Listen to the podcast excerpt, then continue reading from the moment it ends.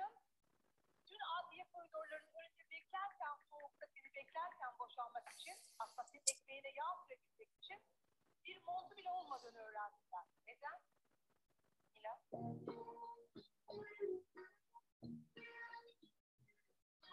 Çünkü eşine yaptığı harcamalar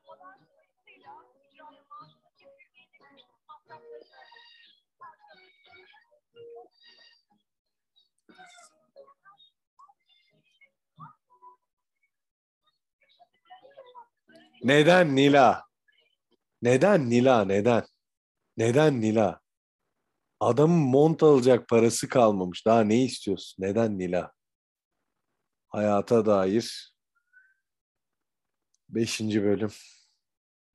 Ben Atahan Atlı, Josh Tekin ve Egehan Olcay ile birlikteyiz. Hoş geldiniz beyler.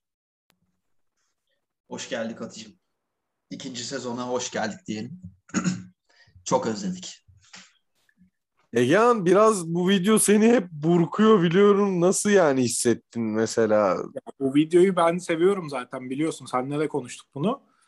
Hep böyle bir benim bir derin bir yarama dokunuyor nedense o video. Bilmiyorum Benim de abi, benim ama. de yani demek ki hayatımda bir fedakarlık yapmışım. Oysa hani çocuğum çoluğum da olmadı ama hani bir yerde ben de çok fedakarlık yapmışım da karşılığını alamamışım gibi hissettiren bir video yani böyle. E, yaptık be Atocuğum. Yaptık yani. Yaptık. Yaptık. Josh nasılsın? Bergen sen affetsen ben affetmem. Ben affetmem şarkının adı çok güzel bir şarkı. Josh nasılsın? iyi misin abi? Nasıl gidiyor? İş, güç, İngiltere. Valla belli bir adaptasyon sürecinden sonra zaten buraya ilk geldiğimde işte karantinadaydım ilk dört ay falan filan. Hı hı. Sonra işte Nisan, Mayıs gibi açıldı. Mayıs'ın ortasında işe girdik. Ondan sonra Euro başladı. Euro'da e, İngiliz halkını sen de biliyorsun. Yani bayağı bir buçuk ay boyunca ayık olduğumu hatırlamıyorum. Şimdi böyle yeni yeni kendimize geliyoruz yani açıkçası ama keyifler yerinde sağ olsun. Evet Egehan sen nasılsın görüşmeyeli? iyi misin? Abi iyiyim. E, zaten 23.30'da da konuşmuştuk. Bunları şimdi tekrar burada detaylı anlatmayayım. Yeni iş e, mevzuları var. Yani keyfim yerinde bayağı hatta 2-3 gün önce yine konuştuk seninle. Bu ara dedim acayip keyfim yerinde. Bir tane de keyfim yerindeyken bir hayata dair çekelim mevzusu falan konuşmaları. Ya bu aralar mutluyuz, keyfimiz yerinde. Evet evet zaten şimdi demode bir hani bir e, yani eski programlar gibi olmayacak. Daha şimdi böyle daha yapıcı güzel sorular seçtik. E, hemen de e, başlamak isterim. E, şimdi biliyorsunuz yani şu çağ şu anda teknoloji çağı oldu Egehan. E, senle hemen başlayayım. Bir teknoloji çağındayız ve her şey dijitalleşiyor. E, peki şunu soracağım. Şimdi her, her şey dijitalleştiğinde sen sonuçta İspanya ile de Amerika ile de Fransa ile de hani çok hızlı bir şekilde iletişim haline girebiliyorsun. Evet. Modern teknoloji dünyayı tek kültür haline sence getirmiş midir? Ee, yani getirme get, şu anda getirmiş olmasa hali hazırda bile gittikçe oraya doğru gidiyoruz yani o net. Şu anda getirmiş midir dersen bence daha getirmedi ama oraya doğru gidiliyor şu anda. E, Herkes az önce de dediğin gibi yani bu 50 sene önce 100 sene önce Fransa'dan bir herhangi bir insanla herhangi bir Fransızla herhangi bir Türk arasındaki o kültürel paylaşımın kolaylık zorluk seviyesiyle şu ankinin arasında dağlar kadar fark var. E bu da o dediğimiz gibi tek kültür olma yolunda ilerliyor şu anda dünya bence. E, evet mesela Josh ben seni oradan görüyorum İngiltere'de pub'a gidiyorsun. Ben de burada özeniyorum mesela her iş çıkışı bir bar buldum mesela oraya gidiyorum. Şimdi mesela bu da bir aslında bu e, dijitalleşmeyle mi alakalı? Çünkü normalde mesela bundan 150 sene önce olsa tamam senin İngiliz İngilizsin, pub kültürün var. Ben Türkiye'deyim aslında hani pub kültürü olabilir ama olamaz mı yani? yani? Şu an mı özeniyorum? Bunu gördüğüm için mi yani? Dijitalleşmenin etkisiyle mi? Şimdi şöyle bir durum var yani küreselleşme 80-90'larda özellikle böyle bir hızlandığı zaman buna karşı olan kesimin en büyük korkusu zaten şeydi. Hani tek tük, tek tip kültüre doğru mu gideceğiz acaba biz diye korkuluyordu. Özellikle internetin gelmesiyle beraber bu hızlandı. Yani sonuçta biz de o jenerasyondayız. Yani biz işte 12 yaşında 13 yaşındayken okula gidiyorduk geri dönüyorduk. İşte Amerikan dizileri işte İngiliz dizileri e, izliyorduk. Şu anda tek tip kültüre doğru yol aldığımız söylenebilir. Ama orada değiliz. Bence hibrit bir kültürdeyiz şu anda biz. Yani her taraf, her ülkeden bilgi alınabildiği için, her kültür böyle bir e, aynı potada yoğrulduğu için aslında kaliteli işler çıkıyor şu anda. Hani hem yani sonuçta şunu kabul edebiliriz. Yani mesela tamam ben e, iki kültürlü bir ailede büyüdüm. Ama mesela siz de mesela siz Türk bir aile yapısında büyümenize rağmen sen çok Amerikan vari veya çok İngiliz vari veya çok Alman vari düşüncelerin olabilir. Çünkü biz o o hibrit kültürü yaşayan ilk kültürlerden biriyiz. Bence güzel bir noktadayız. Ee, ama tek tip kültür oluşması korkutucu. Yani geçmişimizi de hiçbir zaman unutmamamız gerekiyor. Ee, yani bunu düşünerek devam etmemiz lazım bence. Yani unutmamalıyız kendi kökenlerimizi. Ama global bir kültürün oluşması iyiye de gidebilir, kötüye de gidebilir. Şu anda hangi noktadayız ben bilemiyorum açıkçası. Egehan arada sen uluyorsun ben biliyorum. E, kültürünü unutmamak adına. E, tabii tabii. Kesin, kesinlikle öyle. Devam edelim. E, şöyle yani bu e, her kültürde de e, farklı sanatlara ilgi var. E, mesela bizim Türkiye'de aslında şimdi sanat deyince yani daha ressam değil de mesela Fazıl Say aklıma geldi. Çok iyi oyuncularımız var vesaire vesaire. E, buradan şunu sormak istiyorum Egehan sana. Bana, ne? bana Aleyna Tilki aklıma geldi nedense. O bozar mı o, bizi? Yo bu yani bozmaz. Sanatta sanat dalında çünkü o da sonuç olarak. Tarkan da diyebilirdin yani hiç fark yani, etmez. Tabii, evet. E, ama yani benim e, şarkı şarkıcıdan ziyade soracağım soru ressamlıkla ilgili. E, şimdi mesela dünyada bazı tablolar 10 milyon euroya satılıyor. Mesela senin arkandaki tablo gibi. Ben de sanatı seviyorum. Ben de evime güzel bir tablo aldım. Ama 10 milyon euro sence bir tablo eder mi Egehan? Sizce bu mantıklı mı yani? Bu paralar bir tabloya verilmesi mantıklı mı? Yani tablodan tabloya değişir. Bence verilebilir. Ya kişiden kişiye göre de değişir. Verebiliyorsa, canı da istiyorsa, almak istiyorsa, seviyorsa e biz şimdi ona mantıksız diyemeyiz yani. Adam ben bana göre mantıklı der ve alır. Biz de izleriz yani onun alışını mesela. Benim çok param olsaydı atıyorum yani bir 10 milyon dolara bir tablo aldığımda herhangi bir şekilde hayatım değişmeyecek olsaydı ben de alırdım muhtemelen. Ee, siz benim evime hiç gelmediniz ama şu anda da bir tanesini görüyorsunuz hatta en büyüğü burada. Benim evim acayip tablo doludur. Bir gün sizi misafir etmek isterim. Hatta belki burada çekeriz bir bölümü de. Yani sen beraber. diyorsun ki ben veririm. E, veririm yani evet verebilirim. 10 milyon da veririm, 100 milyon da veririm. Ama kendi para birimine göre tabii. Şimdi mesela cebinde ya, 100 tabii. lira var tamam mı? Cumartesi dışarı çıkacaksın. E, içeceksin o paraya. Yani şimdi orada 1 lira vermezsin sanata. Veremem evet. Evet ama yani hani işte ona göre bir birim. Josh sen ya, ne düşünüyorsun? Her, her... Pardon. Pardon ben bitti yok, sandım. Yok yok yok hayır tamam tamam Josh buyur.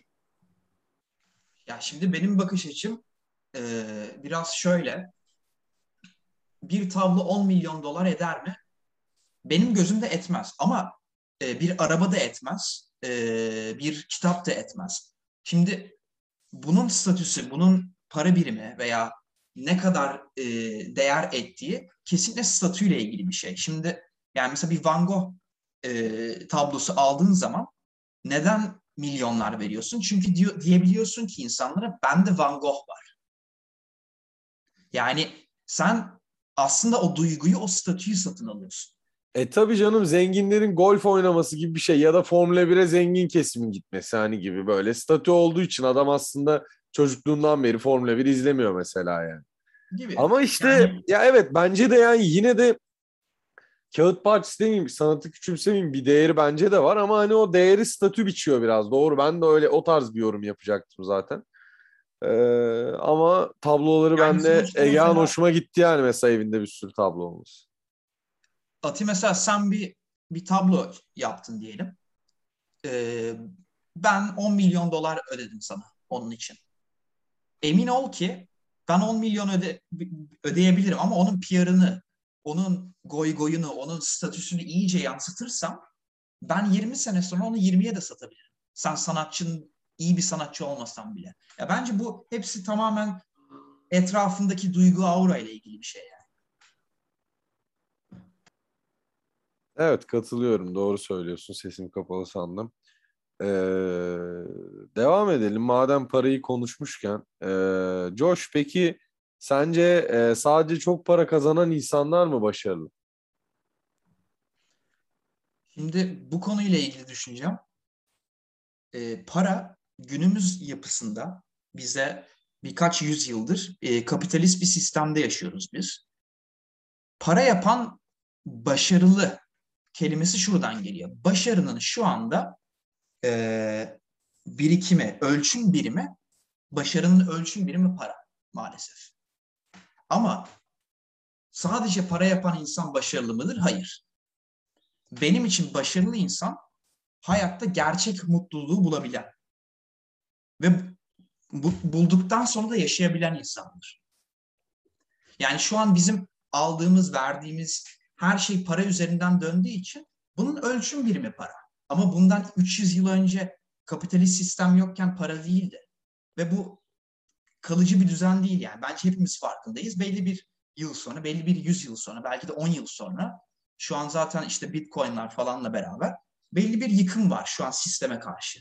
O yüzden bundan sonra para başarı birimi olarak ölçülmeyecektir bir noktadan sonra bana kalırsa. Ama şu an bulunduğumuz noktada evet başarı parayla ölçülüyor. Fakat gerçek başarı nedir?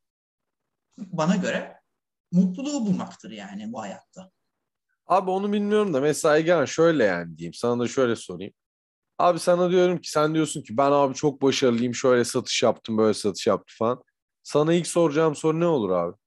Abi sen kazandın mı? Prim aldın mı? Hani bu arada hani iyi mi kazanıyordun? Değil mi yani mesela? Ha, Hani ha, öyle öyle olur. Yani o yüzden hani aslında bu genelleme biraz doğru diyebiliyor muyuz? Yani doğru maalesef doğru. Şöyle ben e, Josh'a da bir burada pay vermek isterim. Çok haklı bence Josh. Şöyle bir detay da var ona eklemek istiyorum sadece. Josh'un dediğine tamamen katılıyorum. Bence de doğru as yani başarı dediğin şey aslında e, ne kadar mutlu olabildiğinle alakalıdır bu hayatta. Yani şurada zaten 70-80 yıl yaşıyor bir insan ortalama. Ya bu durumda mutlu ol, mutlu yaşamak mutlu yaşamalı bence her insan her anını yani. Zaten çok kısa bir süre yani. E, ama şöyle bir paranın da şöyle bir artısı var o, o durumda. Parada mutluluğu bir tık daha rahat ulaşmanı sağlayacak araçları sana hizmet sunabiliyor yani. Parayı parayı mutlu olmak için e, kullanırsan tamam başarılısın. Peki şöyle bir görüş var. Ee, ben e, eskiden çok sevdiğim bir e, arkadaşım e, bunu bana söylemişti. Demişti ki o çok yardımseverdi. Mesela Afrika'ya gidiyordu yazları, e, orada yardım yapıyordu vesaire okullarda bilmem ne. Diyordu ki mesela ben hayatımı atıyorum sevdiğim işi atıyorum insanlara yardım ederek para kazanmak istiyorum. Ama yardım ederek para kazanamam hatta para vermen gerekiyor yani yardımcı olmak için.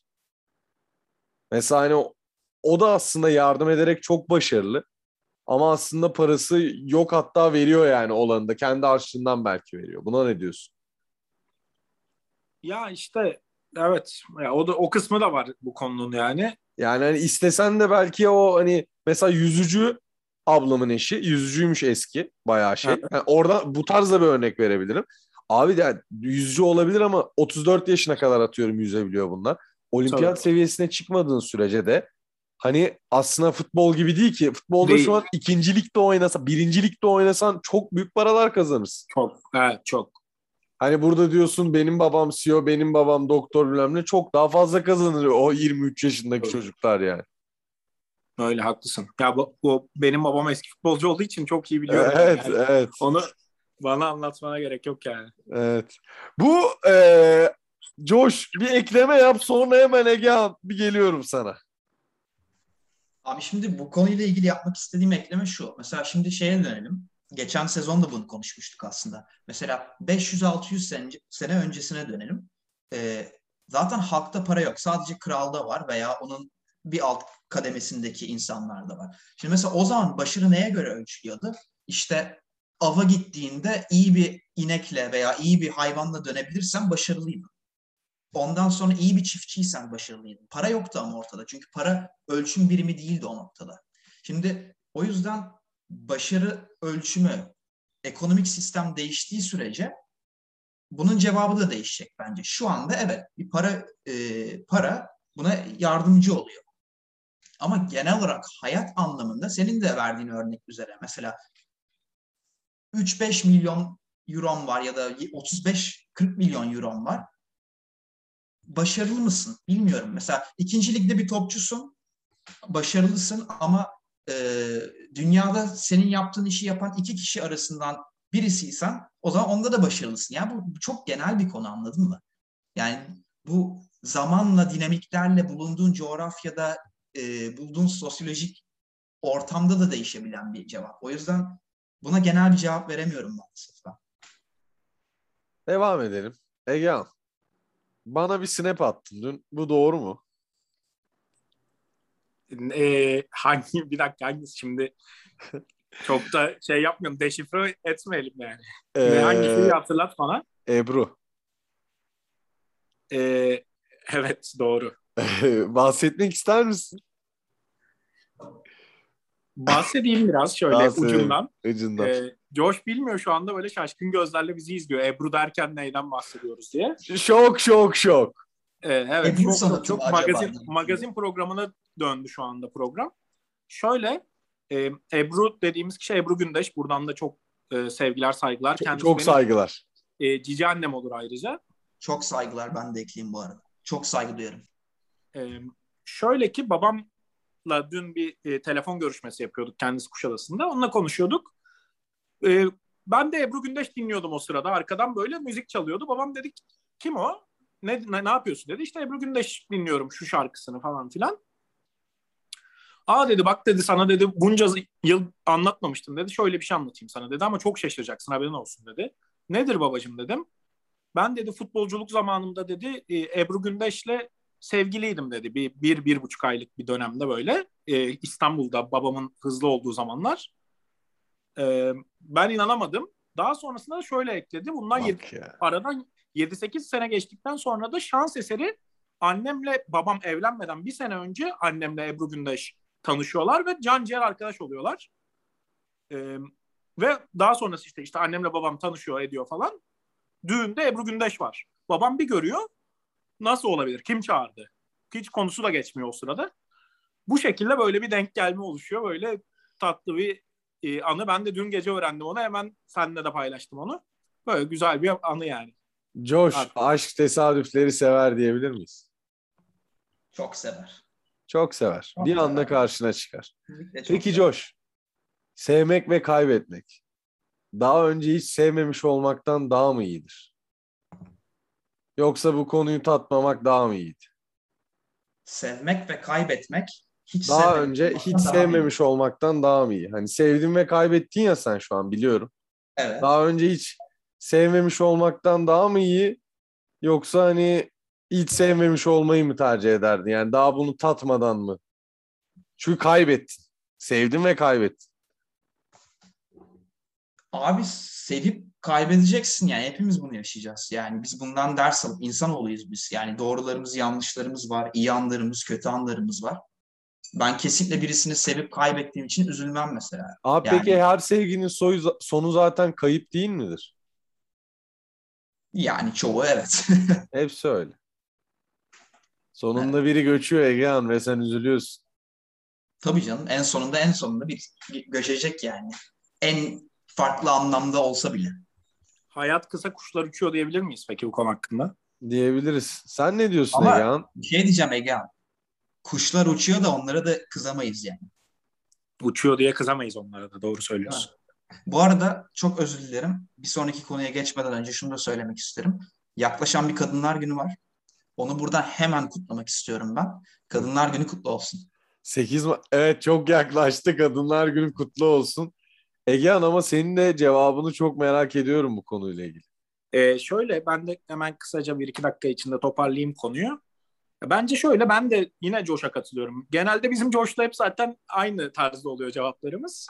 Ben yine Josh'a katılıyorum. Yani benim hayatta en e, önem verdiğim şeylerden bir tanesi bilmiyorum belki herkes öyledir yani. Tecrübe yani. Her her şeyi tecrübe etmek. Hayatta her şeyi tecrübe etmeye çalışacaksın. Benim yani en büyük felsefelerimden bir tanesi de o. Ya, o yüzden ben birini aşık olduğum için veya sevdiğim için, bağlandığım için daha sonrasında onu kaybettiğim zaman ya, üzülmem demem. Tabii ki üzülür. Her insan üzülür. Ama hiç sevmemiş olmayı asla tercih etmezsin bence. Et, ya etmemesi gerekiyor bir insanın yani. Sonuçta onda bir tecrübe etmesi gerekiyor. Ona bir şey kazandırmış oluyor. Ben öyle bakıyorum duruma. Ben çok sevdim. Ve kaybettim. Ama bana çok şey kazandırdığına inanıyorum. O yüzden de hani bu işi deneyimlediğim için ne kadar acı çekmiş olsam da yoluma devam edebildiğimi görmek kendimi güçlü hissetmeye yetti benim için. Neyse burayı da böyle kapattık diyerek geçelim. Evet Egehan, ölmeden önceki son yemeğin ne olmasını isterdin? Yani aslında ya aslında bu farklı bir cevap. Yani şöyle, atıyorum en sevdiğin yemek pizza olabilir. Ama yani en keyif aldığın yemek sucuklu yumurtadır. Gidersin sucuklu yumurta istersin ölmeden önce. Hani bu olabilir. Yani bunu aslında bir hapishanedeki bir düşün yani hani.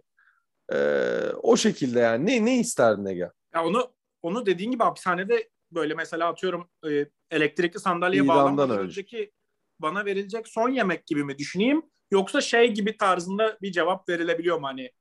Yani son yemeğim işte şunlar da çevremde olsun, şurada oturayım gibi mi? Öyle Yani değil. yok. Hapishanede gibi yani. Son Anladım. yemeğin hani Anladım. tek Yani evdesin yani. Hapishanede odaklı. olmasan da pardon.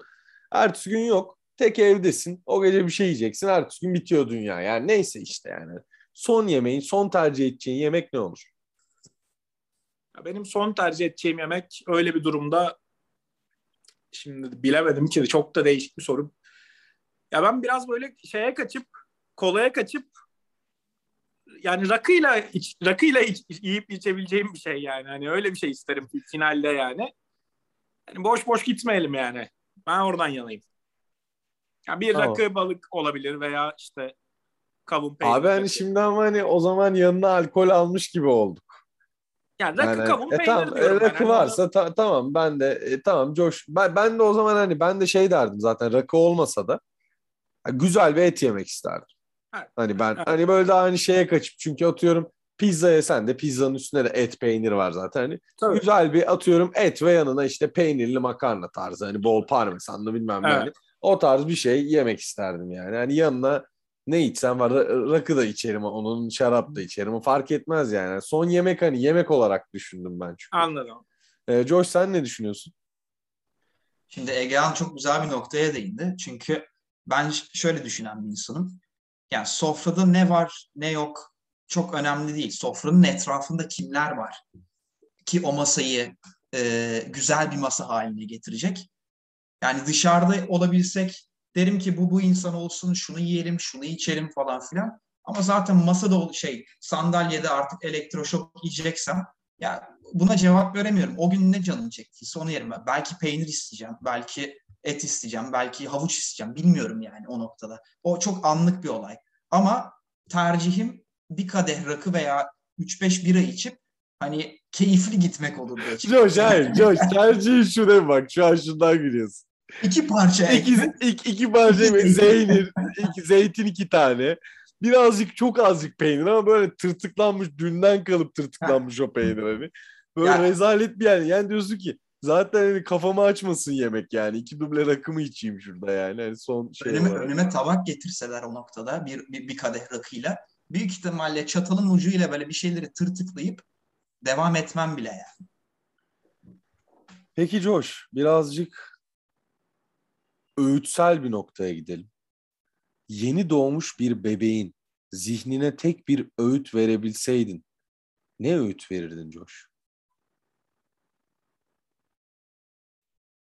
Çok güzel bir soru bu arada. Yani bunu Egehan sen konuşmak ister misin? Ben düşüneyim bu arada bu soruyu. Tamam Zor olur. bir soru çünkü. E, bu soruyu ben e, Atağan'a önermiştim zaten. Onunla biz tartışıyorduk hani e, şöyle böyle falan gibisinden. Ama işin aslı ben de düşünmemiştim. Çok güzel bir soru olduğunu da şimdi farkına vardım biraz daha böyle kafa yorunca. Ya bir yeni doğmuş bir bebeğe ne öğüt vermek isterdim? Yani bir iki cümleyle açıklanacak bir şey herhalde yani. Çok uzun anlatacağım bir şey olmaması gerekiyor. Yani her zaman her zaman iyi olmasını, iyi iyiden yana olmasını ve Ya bırak kardeşim öyle öyle bir cevap mı var? Ben size söyleyeyim bak cevap şu. Alkolden uzak dur. Bak. Hiç tatma. Yani bu güzel bak bu güzel şeyi hiçbir zaman tatma. Gerek yok. Hani uzak dur hani. En baştan. En baştan ya. Egehan direkt ben böyle derdim. ama yani. ama o büyük keyfi de onun elinden alamayız yani. Bir bebeğe haksızlık yapmış oluruz bu durumla. O zaman şunu derdim. Hiç kadeh içip bir sigara yakmasın mı? Hayır, Yaptım hayır. ben. Şu- şunu derdim. İlk yarı sıfırdan ve Barcelona'dan uzak dur derdim kardeşim ya. Vallahi böyle bir şey olmaz ya. Evet bu olur. Bu çok bu en Öyle bir mantıklı şey- cevaplardan bir tanesi bence. Ya Böyle bir şey olamaz yani. Hayret bir şey. Ben açıkçası şunu derdim, düşündüm biraz. Derdim ki sen sensin ve hayattaki amacın kendinin en iyi halin olmayı hedeflemen lazım. Ve bir bebek de hiçbir şey anlamazdı bu dediğinden. Tabii canım agı ugu bigi bigi diyecek yani. Ben de diyeceğim ki tamam devam o zaman. Egehan sen düşündün mü? Sen söyledin mi ya yoksa? Ya benim söylediğimi çok şey buldun sen. Söyletmedin bana işte iyiden yana olma falan filan mevzuları. Ya o zaman ben de ne derdim? Ne bileyim kızlara güvenme falan derdim. Ne diyeyim yani. Aa. Sansasyon mu yarattım bu cümleyle peki şu an? Ya hayır ya şimdi bak ne güzel güzel anlaşmıştık herkesle. Kadınlar gününü kutladık bilmem ne vesaire. Kızlara Nereden güvenme ya? erkeklere de güvenme ama hani. Onu Ya. da demek istiyorum. İnsanlara güvenme anlamında yani. Ha mesela misal. Çünkü sorarlar sana. Abi güvenecek de kalbi kırılacak, gelişecek. Daha iyi bir insan olacak. O da doğru. Kendine güvenmekten vazgeçme derdim o zaman. Bunun altına imza attım ben. Çok güzel bir laf bu. E tabii kendine güven çok önemli. Sen kendine güvenir misin? Ben kendime güvenirim. İyi olduğun konuda kendime güvenirim. Yani atıyorum e, golf oynam daha önce golf oynamadım tamam mı? Gelip sana Sen, abi gol, bak sen golfe taktın bu aralar. Bir gün gö- beraber gidelim ben sana golf öğreteceğim söz. bir gün birlikte golf oynamaya gidelim. Tamam oynuyoruz tamam. Tamam Ben tamam. Dün golfteydim bu arada. İngiltere'ye gelirseniz size şöyle bir golf turnu- turnuvasına böyle bir tatile çıkalım. Oradan buraya gidelim, golf oynayalım, içelim, sıçalım. Yani. Tamam yapılacak bu program o zaman. Tabii tabii aynen yapılır. Ee, golf oynamış. Ya golfü biraz taktım. Ee, Ataşehir'e geri döndükten sonra e, burada golf kulüp var biliyorsun. Oraya yazıldım çünkü. Ee, haftada dört gün aksatmadan gitmeye çalışıyorum. Demir Ören'le birlikteyiz. Orada onunla birlikte atıp Şey diyeceğim. Ata, Tabii abi. kafanı çok rahatlatmıyor mu? Benim çok hoşuma gidiyor böyle pazar günleri. Be. Ben yani tam kursu oynamasam da driving range'de böyle topa vurup vurup böyle 45 dakika bir saat acayip böyle ra- relax bir hale geliyorum ben Onun, açıkçası. onun dışında poligon öneririm sana Josh o zaman ya. O topa girmem ben ya. Seni seker vallahi seni geri Ben- fırlatır oğlum. Ben ben sevgi insanıyım abi. Ben o kadar nefret barındıramam vücudum. Evet seni geri de sekebilir zaten. Ay ay. Egehan, Efendim Atancığım. Savaşçılar yapıcı mıdır, yıkıcı mıdır? Savaşçılar yapıcı mıdır, yıkıcı mıdır? Evet. Ya burada savaşçılar derken bir metaforik bir anlam mı var? Mesela bir insan da bir hayat savaşı verirken bir savaşçıdır aslında. O anlamda mı yoksa bildiğimiz Tabii Kılıç, canım. kalkan. Aşk hayır hayır. Aşk anlamında. Aşk anlamında. ha o anlamda anladım. Yani bir metaforik bir anlam Evet. var içinde yani. Evet.